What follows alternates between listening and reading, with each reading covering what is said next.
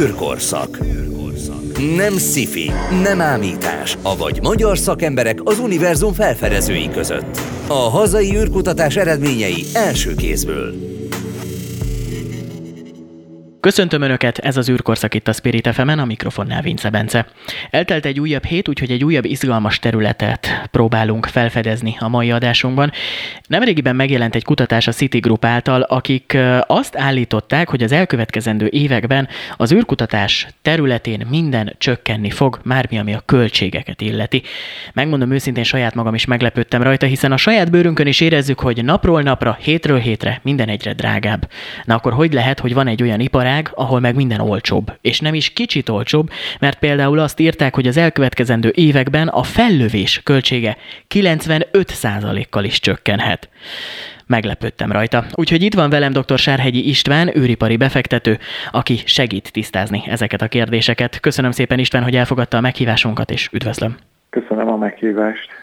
Hogyan kell ezt elképzelni, hogy az űrkutatás területén minden csökken, már ami a költségeket illeti, hiszen tényleg a mindennapokban pedig minden emelkedik? Igazából ez a szignifikáns költségcsökkenés 2010 óta manifestálódott, amikor a SpaceX a Falcon rakétát igazából feltalálta olyan értelemben is, hogy újrahasznosítható lett az első fokozata. Ez az innováció igazából megreformálta az űripart, és azért, mert újrahasznosítható lett a rakéta, nyilvánvalóan drasztikusan csökkentek az anyagköltségek. És ahogy ezt a technológiát fejlesztik tovább, úgy egyre olcsóbb lesz nyilvánvalóan, és ahogy újabb típusú rakéták is jönnek ki, mint például majd a Starship, de vagy például a Falcon Heavy, és most csak a SpaceX-ről beszélünk, azok egyre olcsóbbak lesznek. Tehát azt prognosztizálják igazából nem is csak a Citigroup, hanem például a Morgan Stanley is, hogy 2040-ig um, nagyjából azt tudjuk elérni, hogy 100 dollár alá kerül egy kilogramm feljuttatása az alacsony föld körüli pályára. Ez hihetetlen költségcsökkenés. Hogyha úgy nézzük, az Apollo program idején egy kilogramm feljuttatása akkori áron 68 ezer dollár körül volt. Ugye ez most azt sugalja, hogy igazából a valódi meghódítása a világűrnek az még csak most kezdődik, közben pedig szerintem sokan már azt hittük, hogy hát ahogy elkezdődött ez a 60-as, 70-es években, már igazából benne vagyunk a közepébe. De akkor igazából még csak ez úgymond a nulladik pont, vagy most kezdődik ez az egész? Van egy szép dinamikája az űrkorszaknak, vagy az űrkorszakoknak, hogyha megnézzük a hidegháborúval indult, ugye a Hold, Apollo Hold programmal, fejeződött be, és igazából az egy űrverseny volt, ahol két szuperhatalom ugye versenyzett, a, e, először a hold eléréséhez, aztán pedig egy űripari fegyverkezési versenybe ment át. De az a lényeg, hogy a Szovjetunió felbomlásával igazából um, eljött a kooperáció időszaka, és a 90-es évek, illetve a 2000-es évek arról szólt, hogy a különböző nemzetek hogyan tudnak együttműködni az űriparba, és ez, ez jellemezte legfőképpen az űripart. Majd, ahogy említettem, 2010-ben volt egy ilyen, hogy mondjam, változás, egy paradigmaváltás az űriparban, ami azt indukálta, hogy egy új űrverseny jött létre, és itt már nem csak az államok versenyeznek, és nem csak két szuperhatalom, hanem minden állam szinte, vagy minden fejlett és fejlődő állam most befektet az űriparba, és ezen kívül pedig a magántőke társaságok, illetve magáncégek is beszálltak az űriparba, és ők is már versenyeznek egymással is, sőt az államokkal is. Tehát, Tehát egy nagyon komplex versenyről beszélünk most. Tehát akkor a költségcsökkenésnek az egyik szempontja az is, hogy ugye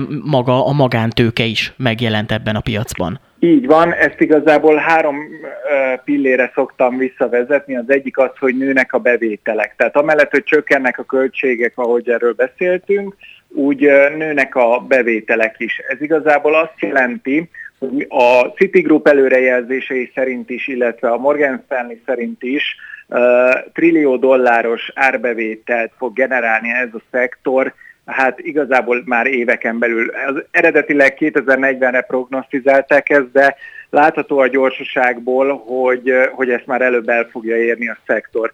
Na most, mivel az árbevételek nőnek, a költségek csökkennek, ebből már következik az magántőkének megéri befektetni ebbe a szektorba, hiszen az profitábilisan tud hasznosulni. Amellett, hogy egyébként egy nagyon menő szektorba fektetnek be, ami jól eladható a befektetők számára, és a high-tech csúcsa, emellett profitábilis a dolog. És a harmadik pillér, tehát az árbevétel növekedés és a költségcsökkenés mellett az igazából az állami ráfordításoknak a drasztikus növekedése. Tehát azt látjuk, hogy az államok is komolyabb befektetőként jelentek meg a szektorba, és együttműködnek a magántársaságokkal. És nyilvánvalóan a magántársaságoknak ez is egy újfajta bevétel növekedés, hogy az államokkal együtt tudnak nagyon mélyen működni ebben a szektorban, hiszen bárki bármit mond, azért alapvetően űripar állam nélkül sehol nincs, még Amerikában se, hiszen a NASA-nak is, vagy bocsánat, a SpaceX-nek is a legnagyobb megrendelője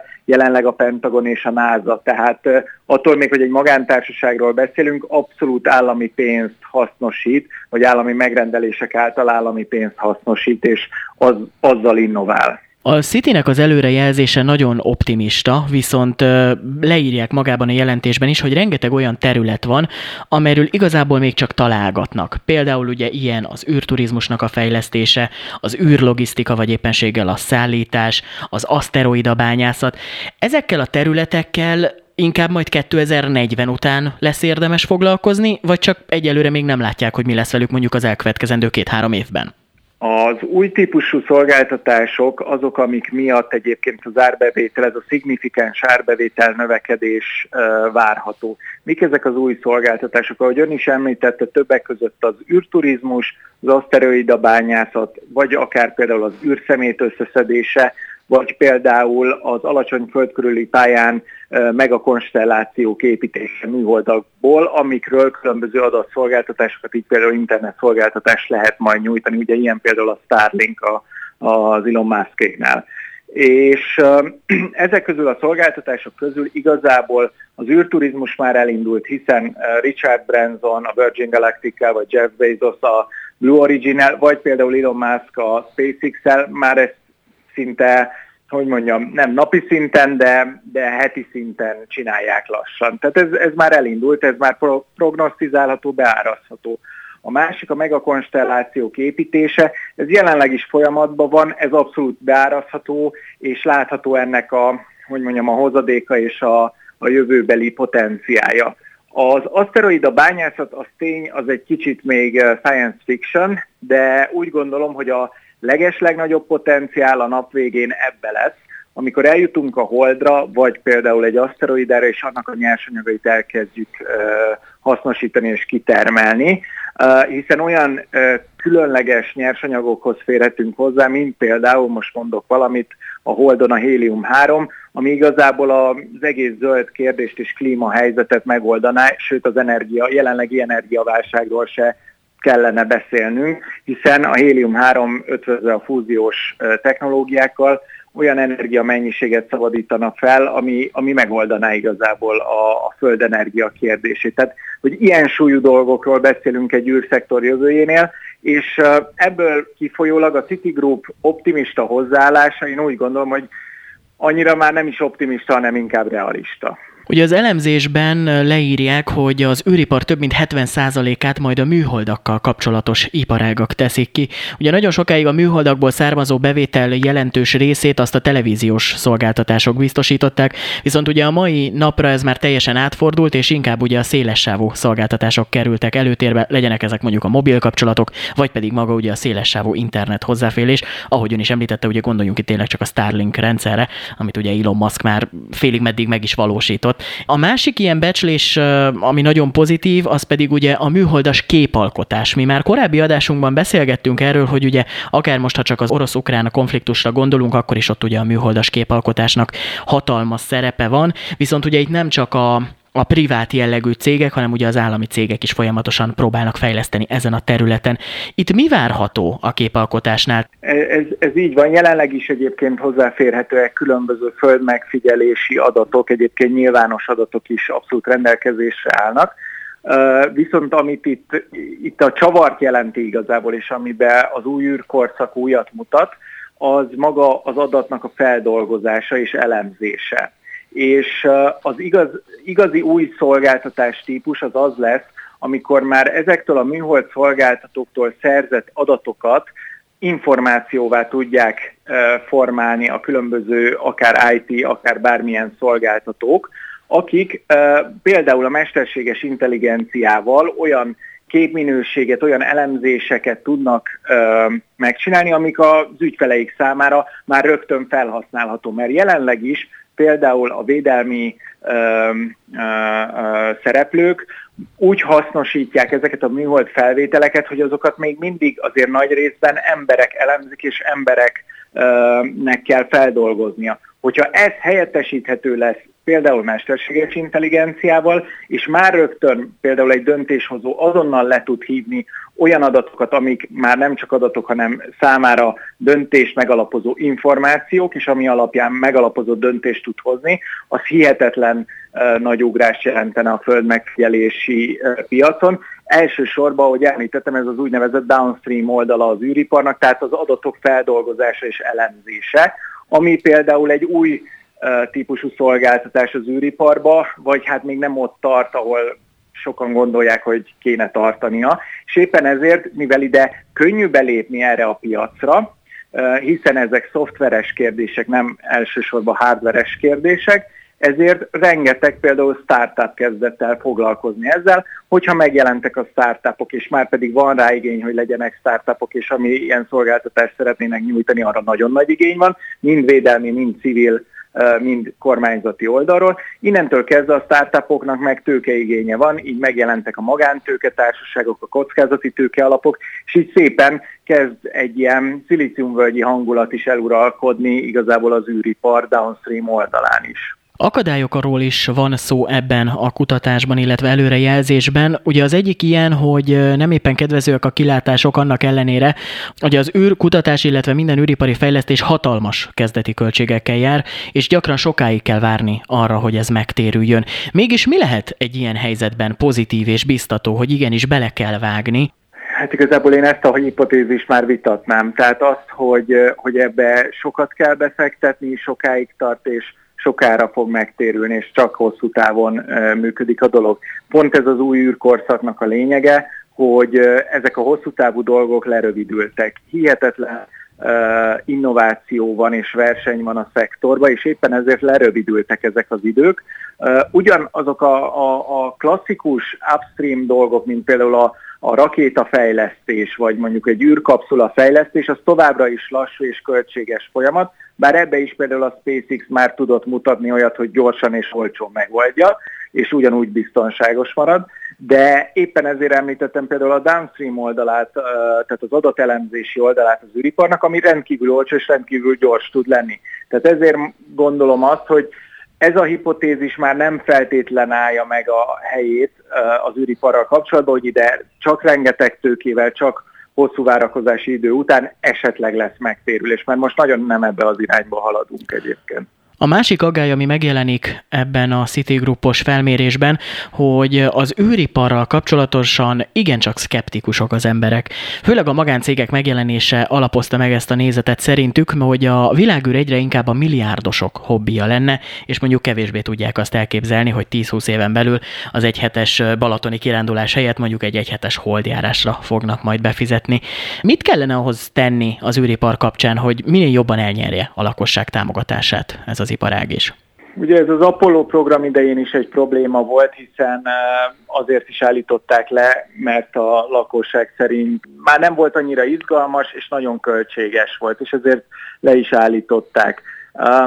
Ez, ez alapvető emberi természetén úgy gondolom, hogy az űriparral kapcsolatosan nagyon szkeptikusak Ugyanakkor um, e, ebbe én egy trendfordulót érzek, főleg mióta egyébként, ahogy ön is említette, megjelentek a magáncégek, főleg például Elon Musk, hiszen egy olyan PR tevékenységet e, végeznek, ami miatt újra e, űrkorszakról beszélünk, újra izgalmas téma egyáltalán az űr, nem pedig úgy képzeljük el, a, ahogy régen mondjuk a 90-es években, hogy pár kutató sötét laborokba kutatgatnak valamit, hanem megint egy ilyen szinte skifiszerű életérzés van az űriparral kapcsolatosan, és ez egyre inkább terjed, főleg a fiatalok körében én úgy gondolom, hogy már abszolút nyitottak a, az űrkorszakra és az űriparra, hiszen azt is nagyon fontos elmondani, hogy az űripar az nem egy luxus hóbort, hanem abszolút a Föld jövőjének a kulcsa. Tehát a, a jelenlegi uh, problémáinkat, főleg a klíma problémáinkat az űripar nélkül jelenleg sem tudnánk megoldani, pláne nem a jövőben. Tehát uh, Igazából ugye sokszor elhangzik az űriparral kapcsolatosan az a kritika, hogy mi egy B-tervet készítünk elő, hogy majd a Holdon vagy a Marson fogunk élni.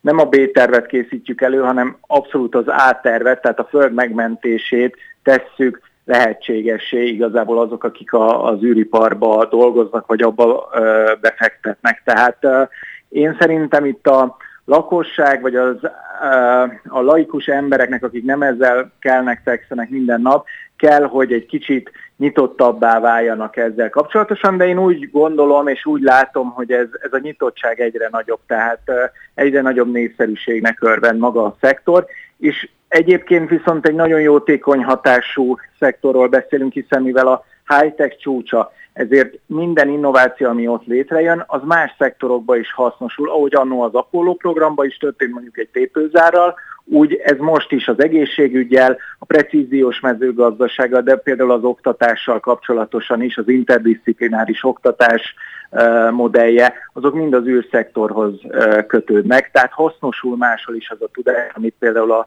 a, az űriparba kifejlesztenek. A föld megmentése mellett fontos figyelmet kell fordítani az űr megmentésére is. Egy bizonyos szempontból, ezt emeli ki a City-nek a jelentése, méghozzá az űrszemét szempontjából, mert hogy ugye a rengeteg felküldött műhold előbb-utóbb véges élettartammal bír, és előbb-utóbb űrszemétté tud átalakulni. Ugye pont Elon Musknak a, a legújabb fejlesztései is ezért aggályosak nagyon sok szempontból, mert hogy mi lesz ezzel a sok műholddal, hogyha egy idő után véget ér az élettartamuk. Az űrszemét kérdésével mi már korábban foglalkoztunk, viszont mit lehet most tudni az űrszemély szabályzásról? Van egy központi szabályzás, amit mindenkinek be kellene tartani, vagy úgymond csak ilyen irányelvek vannak? Hát ez az egyik fő problémája az űrszemét kérdésnek, de magának az űrszektornak is. Mellesleg megjegyzem, hogy egyébként űrjogászként is szoktam magam definiálni, ezért egy kicsit talán jobban belelátok a jogi helyzetébe a, a szektornak, és azt kell, hogy mondjuk, hogy a szektor alapvetően szabályozatlan. Vagy nyugatban élünk, és ennek van egy pozitív hozadéka abból a szempontból, hogy ez a verseny még tovább generálja, és az innovációt még inkább indukálja, azonban van egy árnyoldala is, hogyha így nézzük, hiszen nem tudjuk, hogy mi fog történni, hiszen nincs semmi sem, szinte semmi sem leszabályozva, alapelvi szinten vannak szabályok kimondva négy nemzetközi egyezménybe. Ugye volt egy ötödik egyezmény is, például a hold megállapodás, amit senki nem írt alá, pont azért, mert már túl konkrét volt.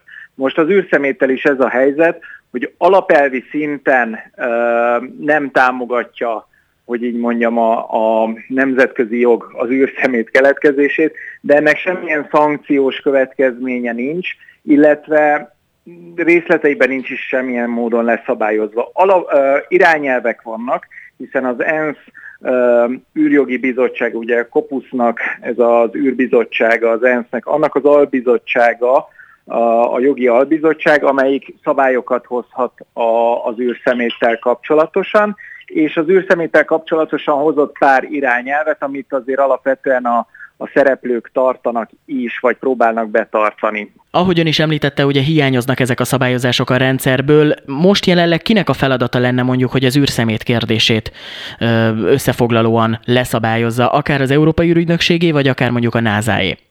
Mivel egyik űrügynökségnek sincs jogalkotási hatásköre, ezért igazából egyiknek se a feladata, mivel nincs rá hatásköre. Jogalkotási hatásköre egyedül a nemzeti jogalkotóknak van, illetve hogyha az ENSZ égisze alatt a nemzetállamok úgy állapodnak meg. Most jelenleg a nemzetállamok nem úgy tűnik, hogy megállapodnának az ENSZ égisze alatt egy nagy multilaterális nemzetközi egyezmény kapcsán, ami az űrszemetet, űrszemetet is érinteni, de, de azt látjuk, hogy nemzeti szinten alapvetően azért foglalkoznak vele. Egy-két ország azért már hozott olyan szabályt, ami az űrszeméttel kapcsolatos, tehát például csak olyan felbocsátást, vagy olyan fejlesztést engedélyez, ami már belekalkulálja, hogy ebből űrszemét lehet, éppen ezért már bele kell építeni olyan rendszereket, amik esetleg visszahozzák azt az űreszközt, vagy esetleg az atmoszférába elégnek. Illetve hogyha arra van lehetőség, akkor pedig a Föld gravitációs teréből kilökjék és elmenjen a mély űrbe, és ott már igazából sok vizet annyira nem zavar.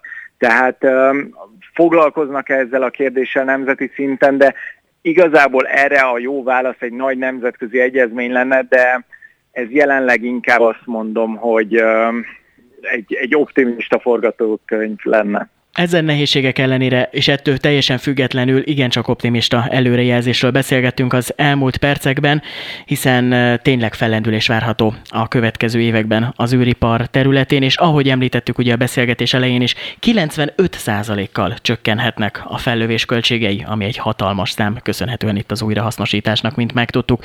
Dr. Serhegyi István űripari befektetőnek én nagyon szépen köszönöm az elmúlt perceket, azt gondolom, hogy rengeteg hasznos információval lettünk gazdagabbak, és hát tényleg akkor most már pozitívan tudunk tekinteni erre az iparágra, és ahogy ugye a beszélgetés közben említettük, talán ez is segít abban, hogy ezeket a különböző szkeptikus látásmódokat egy picit elhessegessük, és az emberek igenis higgyenek abban, hogy van jövő az űr területén is. Köszönöm szépen!